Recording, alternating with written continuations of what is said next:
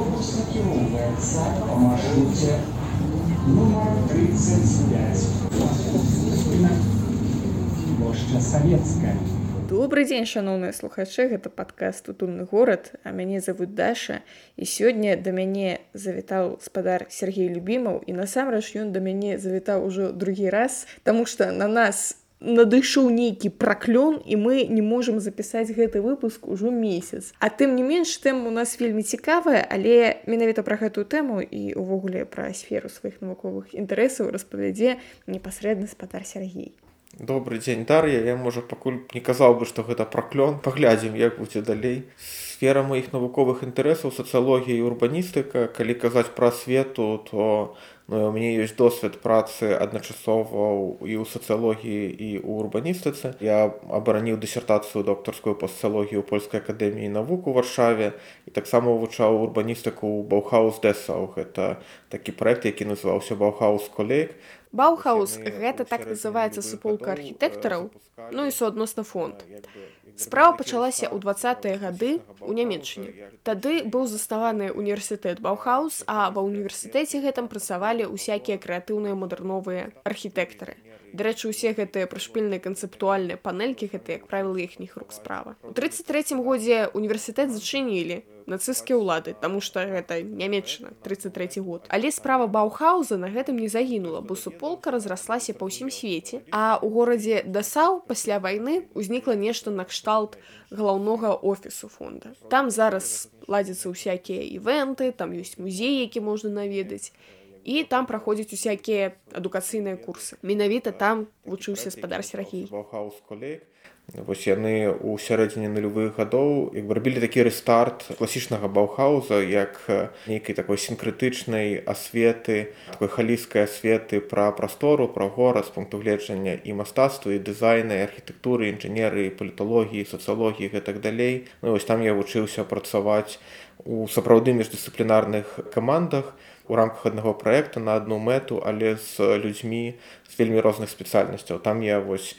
як бы не тое што даведаўся але вось зразумеў што мы становімся спецыялістамі калі вось наша экспертыза нашай веды тое што мы можам умеем становяцца актуальнымі для людзей з абсалютна іншых сфераў. Зараз я працую егу там у 2007 годзе з калегамі мы сузаснавалі лабараторыю крытычнага урбанізму і там рэалізоўвалі шэраг праектаў выдавецкіх адукацыйных даследчых і гэтак далей і ну, вось працягваю гэта яшчэ рабіць. Сёння прынамсі я вывучыла два новыя словы гэта сінкрэтычны і халіскі. Усебаковы іх напэўна можна перакласці. Прынцыпе да усебакова але таксама гаворка ідзе пра тое што мы імкнемся спалучаць нешта што звычайна не спалучаецца але шукаць як бы шляхі да шукаць камбінацыі калі мы можам выбудаваць максімальна такі універсальны погляд на тую ці іншую праблему. Калі казаць менавіта пра тое што мы сёння сабраліся абмяркоўваць пра урбанізацыю гэта мне падаецца якраз у той працэс які можна разглядаць з пункту гледжання сацыялогіі з пункту гледжання антрапалогіі з пункту гледжання урбаністыкі вось, вось мы уже пачалі гэтую размову з вами і у нашым рэгіёне вось у гэты канкрэтны гістарычны перыяд у якім мы жывем там у школах ва універсітэтах ёсць такая традыцыя лічыць што урбанізацыя гэта масавы пераезд насельніцтва з вёскі ў горад. А гэта не так Ну гэта не зусім так вядома гэта не зусім так. Гэта тое што адпавядае вось тому гістарычнаму моманту якім мы жывём і таму рэгіёну той рэгіянальнай спецыфікі дзе сапраўды вось гэты працэс дамінаваў апошнія там 50-60 год. Таму такая распаўсюджанасць вось менавіта гэтага вызначэння.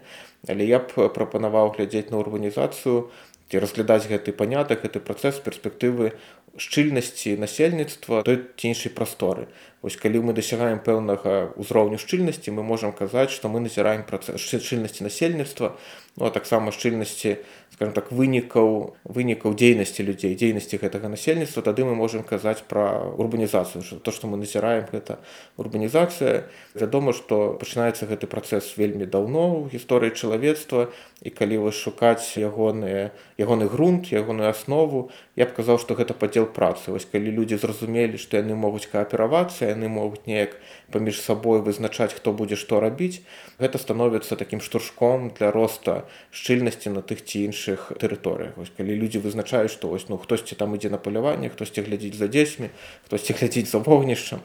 Та вось гэта такі першыя прызнакі ці там першы грунт росту шчыльнасці насельніцтва на пэўных тэрыторыях. І ну ўсю гісторыю чалавецтва можна разглядаць у якасці такіх розных формаў кааперацыі што вы зараз мы ўсё яшчэ жывем у кантэксце калі дамінуючай формай кааперацыі дамінуючай формы падзелу працы з'яўляецца падзел працы ў рамках нацыянальнай дзяржавы ў рамках нейкай нацыянальнай тэрыторыі. У прынцыпе працэс гэты пачынаецца хутчэй у эканоміцы а не ў палітыцы пачынаецца ў сярэдзіне недзе 19 стагоддзя. Ну і адначасова будуюцца палітычныя формы якія папавядалі гэтаму эканамічнаму працэсу ці там адпавядалі працэсу крысталізацыі менавіта нацыянальных эканомік ці там нацыянальных рынкаў яшчэ зараз мы як бы ты інстытуты вось дзяржаўныя які мы матч бачым навокал яны ўсё яшчэ працуюць вось на гэтую мэту падзел працы ў рамках нацыянальнага грамадства сацыялогія дарэчы шмат у чым вырастае з гэтага назірання я б тут спаслаўся на кніжку вельмі вялікую важную кніжку эміля дюргейма падзел працы ў грамадстве дзе ён якраз паказвае што вось мадэрныя сацыяльнасці там ці як бы тое грамадства якое ўвогуле патрабуе сацыялогіі як дысцыпліны каб лепш сябе зразумець это грамадства якое вынікае з пэўнай формы падзелу працы менавіта прамысловага падзелу працы. Ну і вось зараз просто пачынаючы скажем так з 80-х гадоў і ў нашым рэгіёне з 90-х гадоў мы ўсе як бы назіраем у такую трансфармацыю павольную але трансфармацыю якая мае мэту якая мае сваю логіку гэта калі падзел працы становіцца ўжо міжнародным уже в меншай ступені падзелам працы ў рамках адной нацыянальнай дзяржавы а міжнародным. Ну і як бы мы бачылі цэлы шэраг даследаванняў вялікіх даследавань класічных даследаванняў якія з аднаго боку паказваюць як адбываецца гэты працэс а з іншага боку таксама ствараюць нейкія візіі да чаго мы ідзем. Вось увогуле сам тэрмін глобалізацыі ці эканамічнай глобалізацыі гэта вось адзін з такіх тэрмінаў візіяў да чаго мы рухаемся. То бок давайте на прыкладзе. Вось напрыклад наш падкаст. Вы даследуеце пэўна урбаністычныя тэмы Я вас потым на гэтыя тэмы дапытваю. Калі б мы знаходзіліся ў межах адной краіны, гэта б выглядала так. Вось вы працуеце ў гродзенскім дзяржаўным універсітэце. Я працую ў гродзенскім выданні, я да вас прыходжу, потым я беру гэтыя аўдыафайлы, перадаю гука рэжысэру, які таксама жыве ў грудні. І ў выніку яшчэ якая-небудзь таленавітая дзяўчынка дызайнерка з мясцовай студыі мне малюю вокладку для гэтага выпуску. Але цяпер можа атрымацца так што вы працуеце ў ігу я жыву у антарктыдзе мы з вами созваньваемся там по скайпе неяк размаўляем потым я гэта скидываю чуваку які жыве ў аргентыне ён гэта ўсё манцірую а дзяўчынка з беларусі мне малюю вокладку. Восьось то бок гэта так працуе э, зразумела. частку да. Вы опісалі як бы тэхнічны тэхнічны так. бок вось падзела працы сапраўды глобалізацыя там і вось новы падзел працы ён шмат у чым як бы вырастае з тэхнічных магчымасцяў. Але калі мы глядзім на глобалізацыю як на феномен мы мусім разумець у першую чаргу фактар улады ці там фактар цэнтралізацыі ці там фактар падзелу на цэнтры і там паўцэнтры і цэнтры перыферыі Вось калі глядзець вось менавіта на акадэмію адкуль вы правялі прыклад там на акадэмію на творчую сферу першую чаргу мы бачым што у нас ёсць як бы такія глобальныя цэнтры акадэмічныя ці там глобальныя цэнтры крэатыўных індустрый да? ну мы ведаем там галівуд у кіно мода там мілан парыж там акадэмія таксама там шэраг амерыканскіх універсітетаў які ў прынцыпе ствараюць ствараюць як бы эліту я б не сказаў інтэлектуальную але эліту такую інстытуцыяналізаваную акадэмічную эліту света так вось я думаю что гэта тое что запусцілася стало больш моцным як тэндэнцыя пачынаючы з 90-х гадоў калі мы бачым новыя іерархіі у акадэмічнай сферы калі мы бачым што вось тыя людзі які там больш бачныя у міжнародным кантэксце прычым часцей за ўсё не проста ў міжнародным кантэксце а ў кантэксце даволі канкрэтных універсітэтаў ці там даволі канкрэтных праграмаў ва універсітэце яны таксама маюць больш сродкаў там ну і сродкаў для таго каб быць бачнымі і сродкам канкрэтных фінансавых і сродка ў сэнсе сувязяў і сродка ў сэнсе сувязяў не толькі ў акадэміі але таксама інстытуцыямі па-за акадэміяй то бок акадэмія таксама глобалізуецца і таксама мы бачым там што што падзел працы становіцца ўсё больш які працуе па-за нацыянальнымі межамі. Это не значыць што гэтая тэндэнцыя цалкам перамагла што ў некаторых краінах ўсё адно вось там нацыянальная акадэмія ці там нацыянальныя ці там іерархіі якія заснаваныя ўсё яшчэ на нацыянальным падзеле працы інтэлектуальнымі яны таксама застаюцца актуальнымі. Ну ёсць краіны якія з гэтым спрабуюць неяк бороться калі казаць з гарадамі то вядома тут гаворка ідзе пра канцэнтрацыю прасоўнай сілы там пэўнага ўзроўню там пэўных ведаў у канкрэтных лакацыях. Я прыводзіў там прыклады там каліфорніі там праводзіў прыклады парыжа мелана там. Гэта вось такі ну прыклады такіх гарадоў якія ў глобальным падзеле працы знайшлі сваю нішу. І гэта была такая доўгая тэндэнцыя да вось гэтага пошуку і барацьбы за сваю нішу. І зараз яны гэтую нішу неяк выкарыстоўваць вядома з карысцю для сябе вельмі шмат даследаванняў якія якраз ну, бы паказваюць гэты працэс як гэта адбываецца і чаму менавіта пачынаючы з 80-х гадоў яшчэ больш з 90-х гэты працэс паскорваецца да пытання гарадоў якія паміж сабою падзялілі пэўныя заняткі так пэўныя заняткі пэўныя нішы гэта тое ж самае як не ведаю у беларусі ёсць мястэчка гарадзея і там ёсць цукравы завод і вось там усе хто працуюць яны так ці інакш маюць дачненне да гэтага завода. Вось гэта з той же серыі не? Ну у прынцыпе так да. Ну просто што ў беларусі вядома тут ёсць такая как як бы цікавая не то што метафора такое выказванне. Быў такі палітолог эканаміст стивен кобрын які пісаў працаваў менавіта вось у гэтай перспектыве міжнароднай палітычнай эканоміі. І ён сказаў што пачынаючы з 90-х гадоў дзяржавы ў свеце стаюць перад дылемай падобнай дылемай вы або за суверэнітэт або за эфектыўнасць вашай эканомікі. Калі вы хочаце каб ваша эканоміка развівалася каб усё было эфектыўным вы можете скажем так адмовіцца часткі свайго суверэнітэту.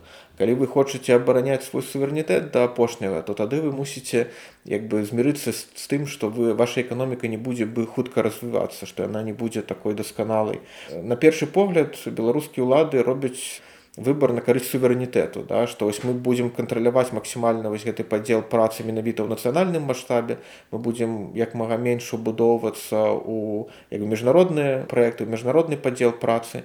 Вядома што тут як бы толькі Росія лічыцца як бы сваімі ці там часткай свайго рынку але таксама там ну, увесь час ёсць захад каб максімальна аўтанамізавацца у дачыненні да расійскіх уладаў там і расійскай эканомікі. Беларускія лады эксперыментавалі вось з гэтым пачынаючы з 15 -го года ў новай геапалітычнай сітуацыі ў выніку вайны і у выніку крызіса даволі моцнага 15 16 -го года але пасля два -го года ўсё як бы адкатваецца назад нягледзячы на ўсе гэтыя эксперыменты калі сапраўды была такая ну не, не тое што пераарыентацыя але я б сказал эксперыменты да з тым каб убудоўвацца ў кантэкст падзелу працы міжнароднага. Ну карацей за моцную незалежную Беларусь. У вельмі такім у вельмі такім своеасаблівым разуменні я б так сказаў. Гэта суверэнітэт які не будуецца на каштоўнасцях на правоў свабодаў грамадзян якія жывуць у беларусі. Гэта таксама вельмі важны як чыннік у беларускай сітуацыі. Калі мы ўжо пачалі весці гаворку пра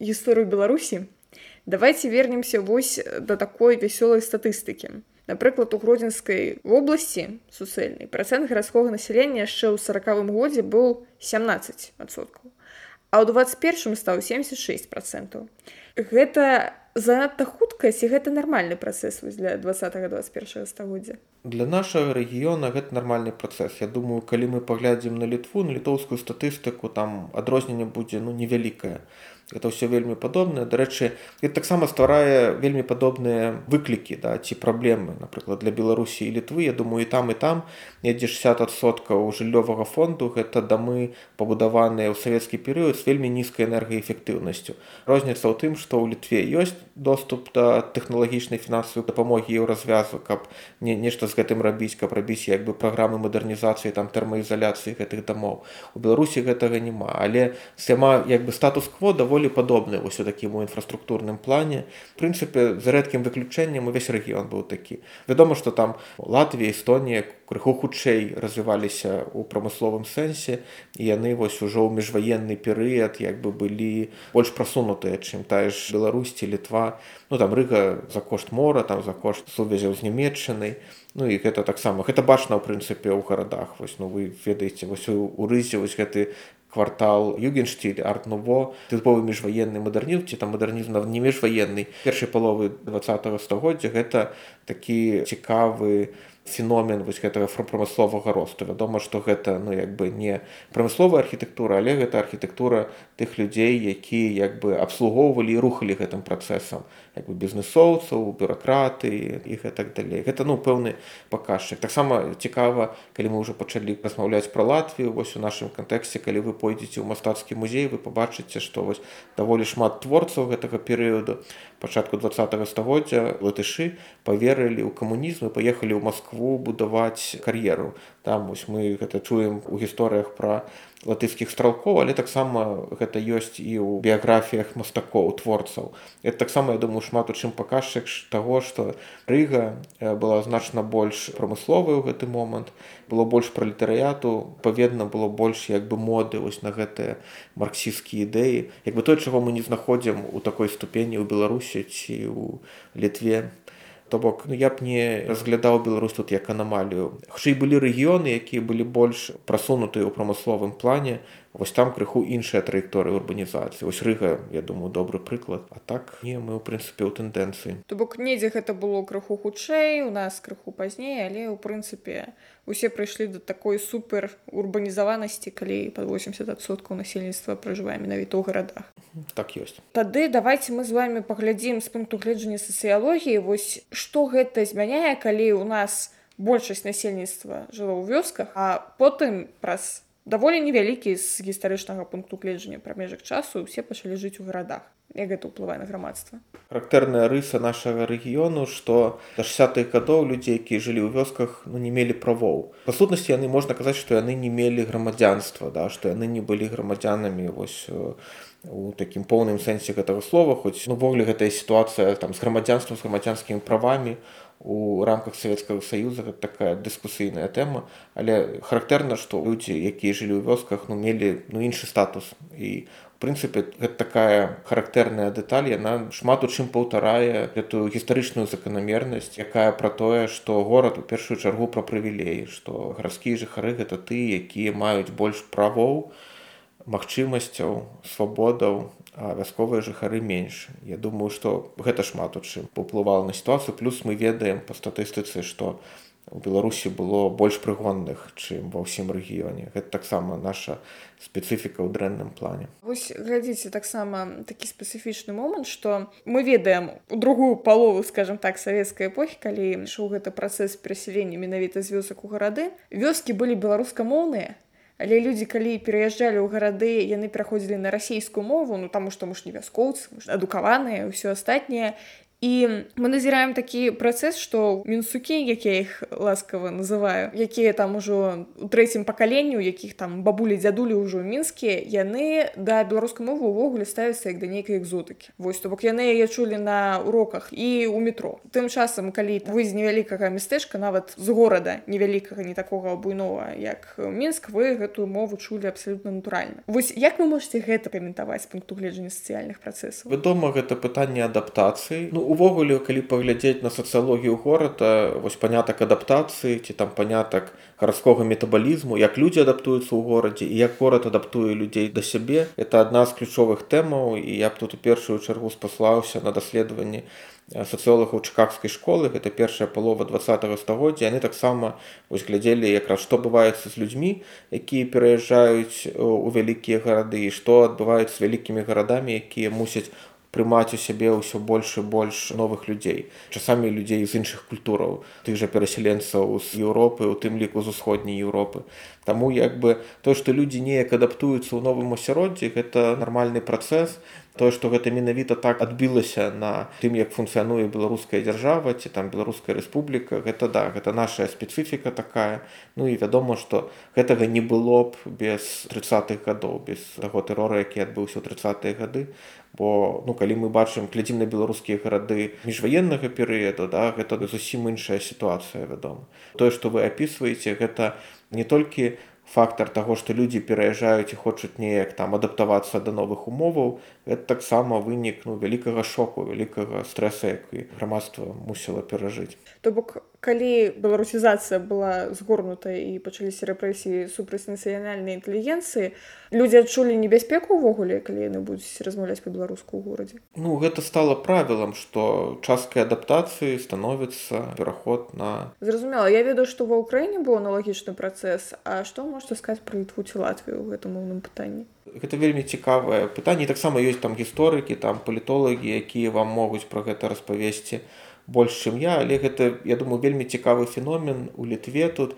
Гэта вось інтэлігенцыя літоўская якая нарадзілася ў міжваенны перыяд недзе там у двадцатые тридцатые гады. Той же вітаўтас лансберге носяцца да гэтай плыні. У тым ліку архітэктары. Вось людзі якія стваралі вільню пасляваенную пасля другой сусветнай вайны гэта былі людзі у якіх быў досвед. Няхай гэта будзе там падлеткавы ўзрост ці дзяцінства але жыцця у незалежнай літве да у бацькоў якія часта займалі ну вялікія пасады ў незалежнай літве могу тут спаслацца на братоў блізнюкоў на свіцісаў чый бацька быў вайсковым у міжваеннай літве. Яны шмат у чым вызначылі тое як вільна развівалася пасля другой сусветнай вайны шмат чаго яны не далі зрабіць вось уладам якія глядзелі на вільню без уліку там нейкай гістарычнай архітэктурнай каштоўнасці таго што тут ёсць. Ну бо там былі розныя планы і то што вільня так добра захавалася гэта шмат у чым вынік працы вось гэтага пакалення гэтай генерацыі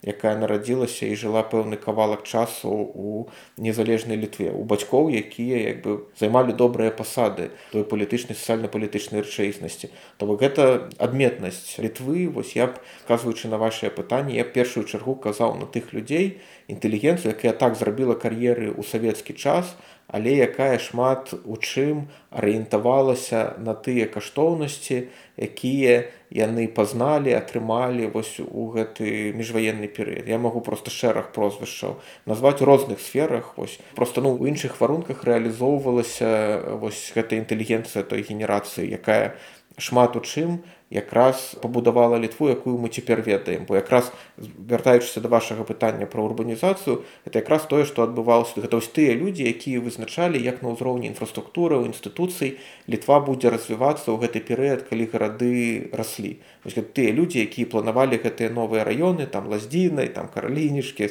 шашкіні і гэтак далей. Тыя людзі якія таксама стваралі як бы новы там бюрократычны кантэкст для вялікай я маю навазе ну гарадской літвы. Літвы якая ўжо такая бюрократызаваная урбанізаваная дзе ёсць шмат прамысловасці і гэтак далей. То бок мы ўжо з вами высветлілі што літоўскія гарады развіваліся крыху ў іншых варунках чым нашы беларускія і зараз мне падаецца літоўскія гарады развіваюцца крыху не так як беларускія. Што вы можете на гэта конт сказаць? Я маю рацыю я памыляюсь ну па-першае сапраўды літоўскія гарады ў значна большай ступені ўключаны вось у гэты глобальны падзел працы.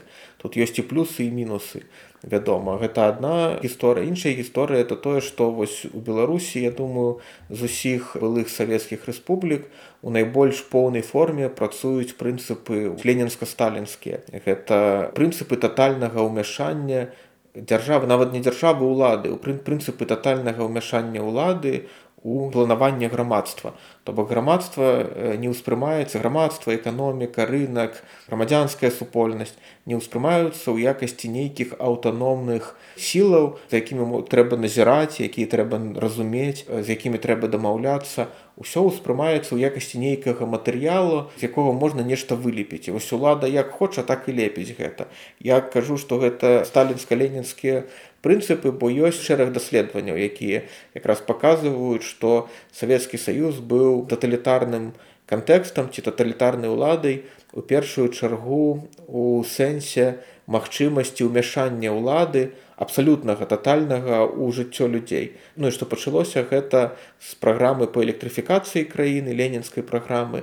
І ў прынцыпе гэта тое што вызначыла ролю дзяржавы да самого канца савецкага саюза. Вось мы звычайна кажам просто планавая эканоміка насамрэч гэта значна больш фундаментальная значна больш маштабная. Гэта не толькі там планавая эканоміка гэта менавіта вось магчымасць улады тотальна абсалютна ўмешвацца ў жыццё людзей. Вядома гэтага стала крыху менш там у 70-е гады і пасля але тым не менш галоўны кірунак быў менавіта такі. І вось ну Беларусь шмат у чым сённяшняя Беларусь шмат у чым як бы працягвае менавіта гэтыя прынцыпы. Я вось тут раю бы паглядзець такую кніжку аўтарам якой ёсць стивен колер. Кніжка называется постсовет соушал яна здаецца 2011 года. Ось звычайна беларускія урбаністы урбаністкі якія пачынаюць цікавіцца тэмай яны пачынаюць з кніжак там рычарда флориды ці яна гейла вось я думаю каб больш свядома працаваць з беларускім кантэкстам я б рэкамендаваў пачынаць менавіта з гэтай кніжкі. Стивен колер постсовет соушал ну і таксама цікавая даволі кніжка джеймса скотта яна называется seeing like estate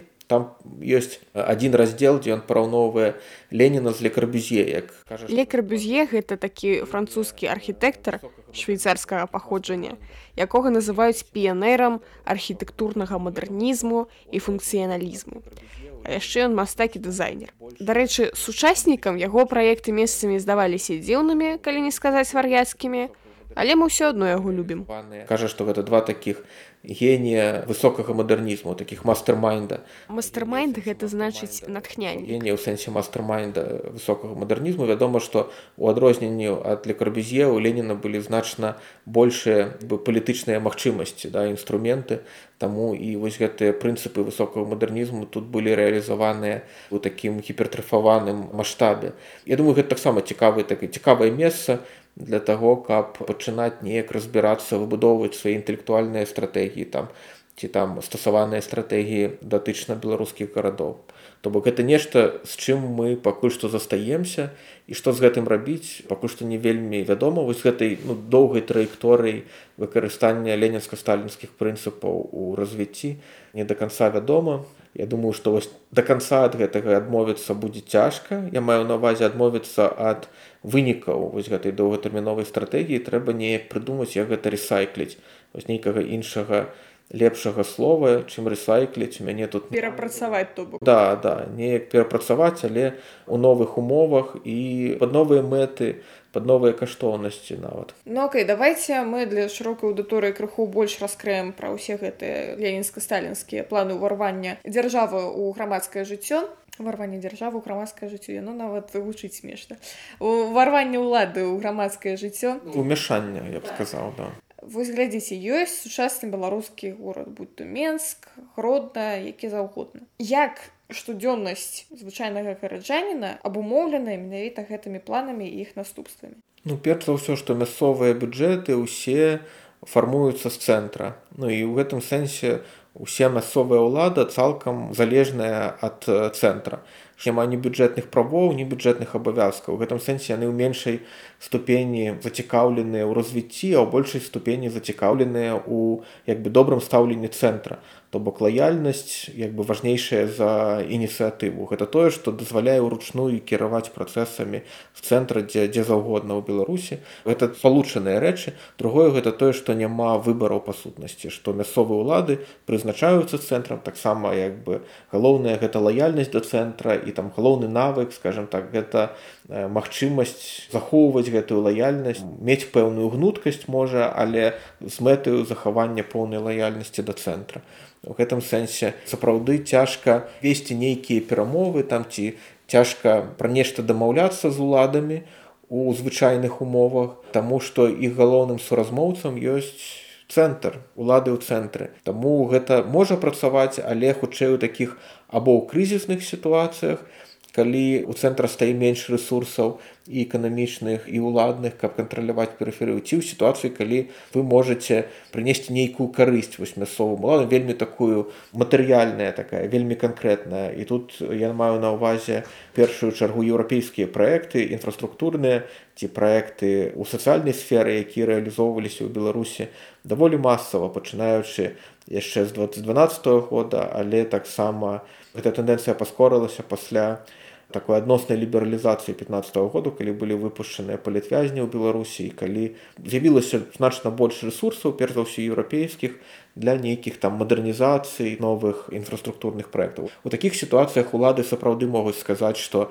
ну да давайте вось будзем размаўляць з грамадзянскай супольнасцю бо вы там можете прынесці нейкія вельмі канкрэтныя матэрыяльныя выгады у нармальнай сітуацыі ўсё пабудавана так каб мясцовы кантэкст быў цалкам падпарадкаваны цэнтральнай уладзе. Пытанне першае ці можете вы правесці некалькі канкрэтных прыкладаў вось гэтых праектаў якія былі там з 15 -го года? Просто есть цэлы моніторинг іх некалькі соцен насамрэч. Напрыклад там асвятленне ў полацку мадэрнізацыя. Я просто параю паглядзець гэта цікавая асобная тэма раю паглядзець сайт беларус projects eu штосьці такое ці eu projects беларусь на жаль сайт eu projects кропка by не открывается Я так разумею, скончыліся праекты, скончыўся і сайт. Але з іншых крыніц добрых і розных я даведалася пра беларускія праекты, якія сапраўды фінансаваліся ці сафінансаваліся еўрапейскім саюзам. Вось, напрыклад, абласная газета віцебскія весці у 2020 годзе распавядала пра самую маштабную ў Беларусі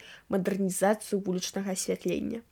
Адбылася яна, як і кажа спадар Сергей, у полоску. На 30 вуліцах установілі усякія светладыёдныя і іншыя асвятляльнікі, напрыклад, тыя, што працуюць ад энергіі сонца. А яшчэ там паклалі новыя драты і зманціравалі дэкаратыўнае падсвятленне для тых архітэктурных помнікаў якіх так шмат у полацку адбывалася гэта ўсё якраз у рамках проекта ес. Называется проект пагаднення мэраў вось такі ролик я знайшла на youtube канале міжнароднага грамадскага аб'яднання экапартнёрства. Гарады на зямлі ствараюць до 80 процентаў выкідаў праніковых газаў а гараджане адчуваюць найбольшы эфект ад негатыўных наступстваў глобальнага пацяплення. Таму мясцовыя ўлады маюць вялікі патэнцыял і адказнасць для вырашэння праблемы змянення клімату. Пагадненне мэраў па клімату энергіі гэта міжнародная ініцыятыва, удзельнікі якой добраахвотна абавязваюцца зніжаць выкіды парніковых газаў. І гэта, канешне, не адзіны праект, які фінансаваўся ЕС. Былі яшчэ ўсякія праекты па падтрымцы грамадзянскай супольнасці, эканамічнага развіцця рэгіёнаў, усякія экалагічныя праекты і шмат шмат чаго. Карацей, калі адказваць на пытанне, колькі грошай еўрапейскіх падаткаплатнікаў выдаткоўвалі на Беларусь, то правільны адказ будзе да халеры. Але не трэба думаць, што Беларусь тут нейкая эксклюзіўная і што у нас з'ез нейкія асабістыя стасункі. Насамрэч гэта ўсё ўваходзіць ці ў праграму усходняга партнерства, ці яшчэ ў якія праграмы калі добрыя еўрапейцы ахвяруюць грошы на слабаразвітых суседзяў. Але факт застаецца ну, там нешта там нешта было напрыклад. Там вядома ну не ўсё як бы пра публічныя прасторы. Да вось гэта асвятленне ў полацку гэта такі спектакулярны проект вось боку грамадзянскай супольнасці такі фонд інтэракцыя гэтым займаліся фонд інтэракцыя гэта такая дзяржаўная некамерцыйная арганізацыя якая вызначала сваю дзейнасць так. Мы ствараем і паляпшаем умовы для ўстойлівага развіцця гарадоў і рэгіёну беларусі што здарылася з фондам канешне ён быў ліквідаваны у студзені 2022 года. Там таксама шмат было пра транспартную інфраструктуру ці пра безбар'ернае асяроддзе ці пра мадэрнізацыю мяжы таксама ну не абавязкова гэта нешта ад пачатку як бы накіраванае на спажыўца на чалавека такого канкрэтна гэта магло быць нешта што ў першую чаргу у інтарэсах дзяржавы як беларускай так і еўразвяза як напрыклад мадэрнізацыя мяжы яшчэ што я хацела дадаць вось наконт гэтага што ў нас вельмі цэнтралізаваная ўлада і вось гэтыя мясцовыя кіраўнікі яны быццам бы кіруюць але нічога не вырашаюць самастойна. Мне падаецца што гэта яшчэ і такі феномен што ў нас у грамадстве даволі часта просто не было як бы індывідуальнай адказнасці То бок, напрыклад, нават гараджаныя абураныя тым, што ў іх стаіць непафарбаваным нейкі прыпынак ужо 20 год. І яны ідуць да кіраўніка мясцовай адміністрацыі, а ён кажа, што вы мне гэта мне вось у мяне тут план з мінску прыслалі, вось у мяне паперкі паглядзіце.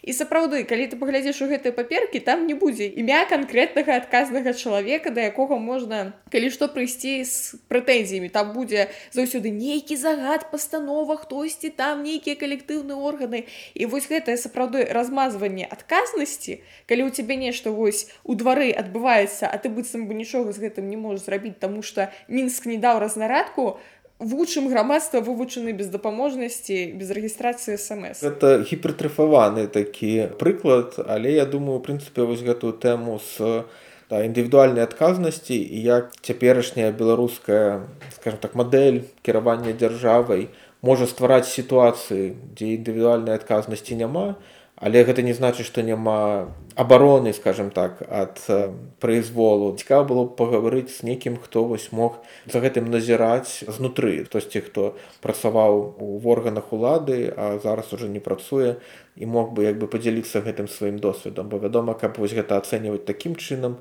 вось як вы гэта сфармулявалі было б добра назіраць за гэтым знутры да. Ду сапраўды мне трэба ўжо вычапіць якога-небудзь чыноўніка і цяжка яго катаваць каб ён мне распавёў усе сакрэты як гэта ўсё адбываецца. Я спадзяюся што без катавання гэта таксама як бы спрацу Пра што яшчэ хацела паразмаўляць? Я хацела паразмаўляць пра тое што у 98 годзе напрыклад у гродні адбыўся даволі дзіўны працэс. Ён узяў ды увялічыўся ў два разы просто за адзін год. Адбылося гэта закон таго, што ў склад горада былі ўключаныя некалькі дзясяткаў вёсак і ўсякіх садовых таварыстваў. Скажыце, калі ласка, ці адбываецца нешта падобнае ў еўрапейскіх гарадах, ці гэта чыста наш прашпіл вёску белыя росы далучаць да гродна, ці гэта міжнародная нейкая практыка і што звычайна адбываецца калі вось крыху гвалтоўная урбанізацыя ў нас адбываецца не ну чаму гвалтоўная? Вядома трэба глядзець наколькі жыхары гэтых вёскаў якія былі на месцах гэтых мікрараёнаў там пратэставалі ці не пратэставалі. Я могу сказаць што я вось ну у мяне зараз у ёсць адзін з праектаў гэта крыху такая доўгая гісторыя гэта праект пра монафункцыянальныя гарады прамысловыя. Працуем у кантэксце нямецка-літоўскім. У літве гэта весагінас як бы былы сатэліт ігналінскай атамнай станцыі а ў нямецчыне гэта айзенхюнштадт былы сталінштадт. Это такі горад з металургічнай спецыялізацыі на мяжы з польшай.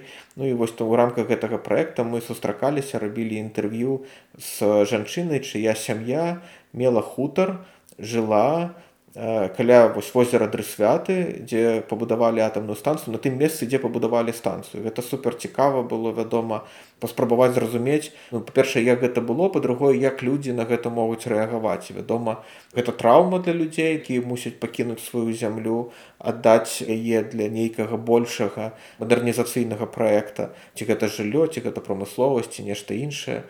Але гэта цікавая тэма. Цікава было б вывучаць тых хто зараз яшчэ ў гародні можа вашыя калегі якія цікавяцца тэмы можа знайсці людзей якія жылі вось у гэтых вёсках. Я магу сказаць што вельмі падобная сітуацыя ж была і ў вільні таксама. У мяне ёсць знаёмыя старыя веленчыкі якія хадзілі ў школу там у 50тые гады напрыклад школа ў жвярынасе ў звярынцы ў віленскім раёне. І вось у школу хадзілі дзеці як з вільні так і з вёсак з-паза вільні вершулішкі каралінішкі. Зараз вершулішкі з каралінішкі з гэта вось мікрараёны гарадскія. Але ў 50тыя годы там былі вёскі ну і дзеці адтуль ужо хадзілі ў вільню у школу там з гары спускаліся ось дзе зараз вуліца нарбута да ось яны там у лесе спускаліся з гары ішлі ў школу. Ну вельмі падобная сітуацыя яшчэ раз скажу што гэта ну, як бы цікавая тэма для даследаванняў чаму бо гэта у показвае нам разнастайнасць гэтага працэсу урбанізацыі ж нам вельмі важна глядзець на яго не толькі з пункту гледжання вось такога высокага мадэрнізму про які я казаў вось такі годфью як кажуць на ангельскай мове калі мы глядзіце хелікоптерв'ю калі мы глядзім зверху ўніз да і просто глядзім на гэта як на планы. Вядома на гэта ўсё важна глядзець і вось перспектывы там тых людзей якіх закранае гэты працэс і для якіх это можа быць вялікай вялікай траўмай сямейнай калі вы мусіце пакінуць свой дом цям зямлю якой жылі жыла ваша сям'я шмат пакаленняў дзеля нейкага вялікага мадэрнізацыйнага праекту. Але гэта таксама не новая сітуацыя нейкая сітуацыя якая паўтараецца ўсюды А вось тая жанчына, якая менавіта жыла на хутары, што яна вам распавядала. Ну яна вельмі шмат распавядала ўвогуле пра сваю сям'ю, як бы роль іх сям'і ва ўсёй гэтай экасістэме розных вёсак хутароў каля дрысвята ў возера.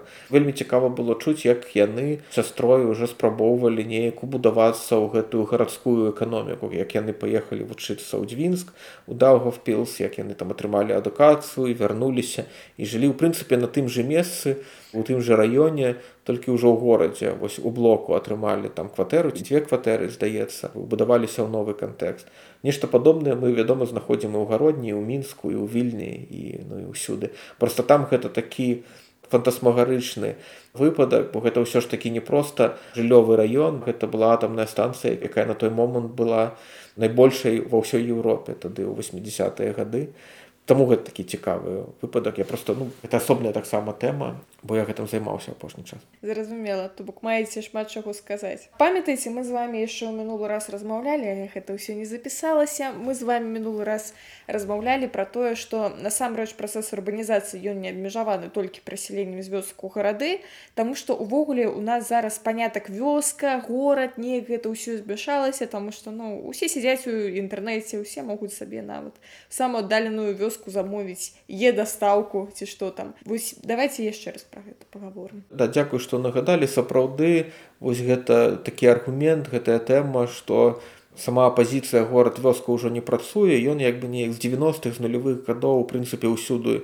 амаль што прысутнічае ва ўсіх кантэкстах розных. Ёсць людзі пра якія пра гэта пішуць там у брытаніі у штатах у польльшы там ва ўсіх свае нейкія аргументы свая аргументацыя чаму гэта так я б можа асобна дадаў што зараз апошнія можа 5 там 6 год вельмі папулярным стаў такі канцэпт планетарнай урбанізацыя. І тут гаворка ідзе пра тое што мы ўвогуле мусім кожную лакацыю разглядаць не толькі з пункту гледжання яе межаў а з пункту гледжання таго як гэтая лакацыя злучана з іншымі лакацыямі. Гэта і этычны як бы і інтэлектуальны бэкграунд ёсць у гэтага. Напрыклад з пункту гледжання этыкі калі мы даследуем той ці іншы мегаполіс мы мусім разумець за кошт чаго за кошт якіх іншых эканомік у большай ступені падпарадкаваных яму ён становіцца цэнтрам. Там заўсёды ідзе такая адсылка да месцаў напрыклад дзе там дабываюцца карысныя выкапні а ідзе напрыклад насельніцтва стварае аснову для багацця гэтага мегаполіса але яно не ўлічваецца у даследаваннях таго ці іншага мегаполіса. То бок я спадзяюся што гэта гучыць больш-менш зразумела. Мінск забіраю усе ресурсы да да што вось мы мусім ну не толькі мінск да гэта першую чаргу конечно такія гаворка ідзе пра глобальныя цэнтры. Важны такі падтэкст што мы не можам аналізаваць арганізаваць пэўныя гарады там ці пэўныя лакацыі без сувязі без таго каб паказаць сувязі гэтых гарадоў гэтых лакацый з іншымі э, месцамі з іншымі лакацыямі. І прынцыпе гэта такая частка антыкаланіяльнай крытыкі да што мы як бы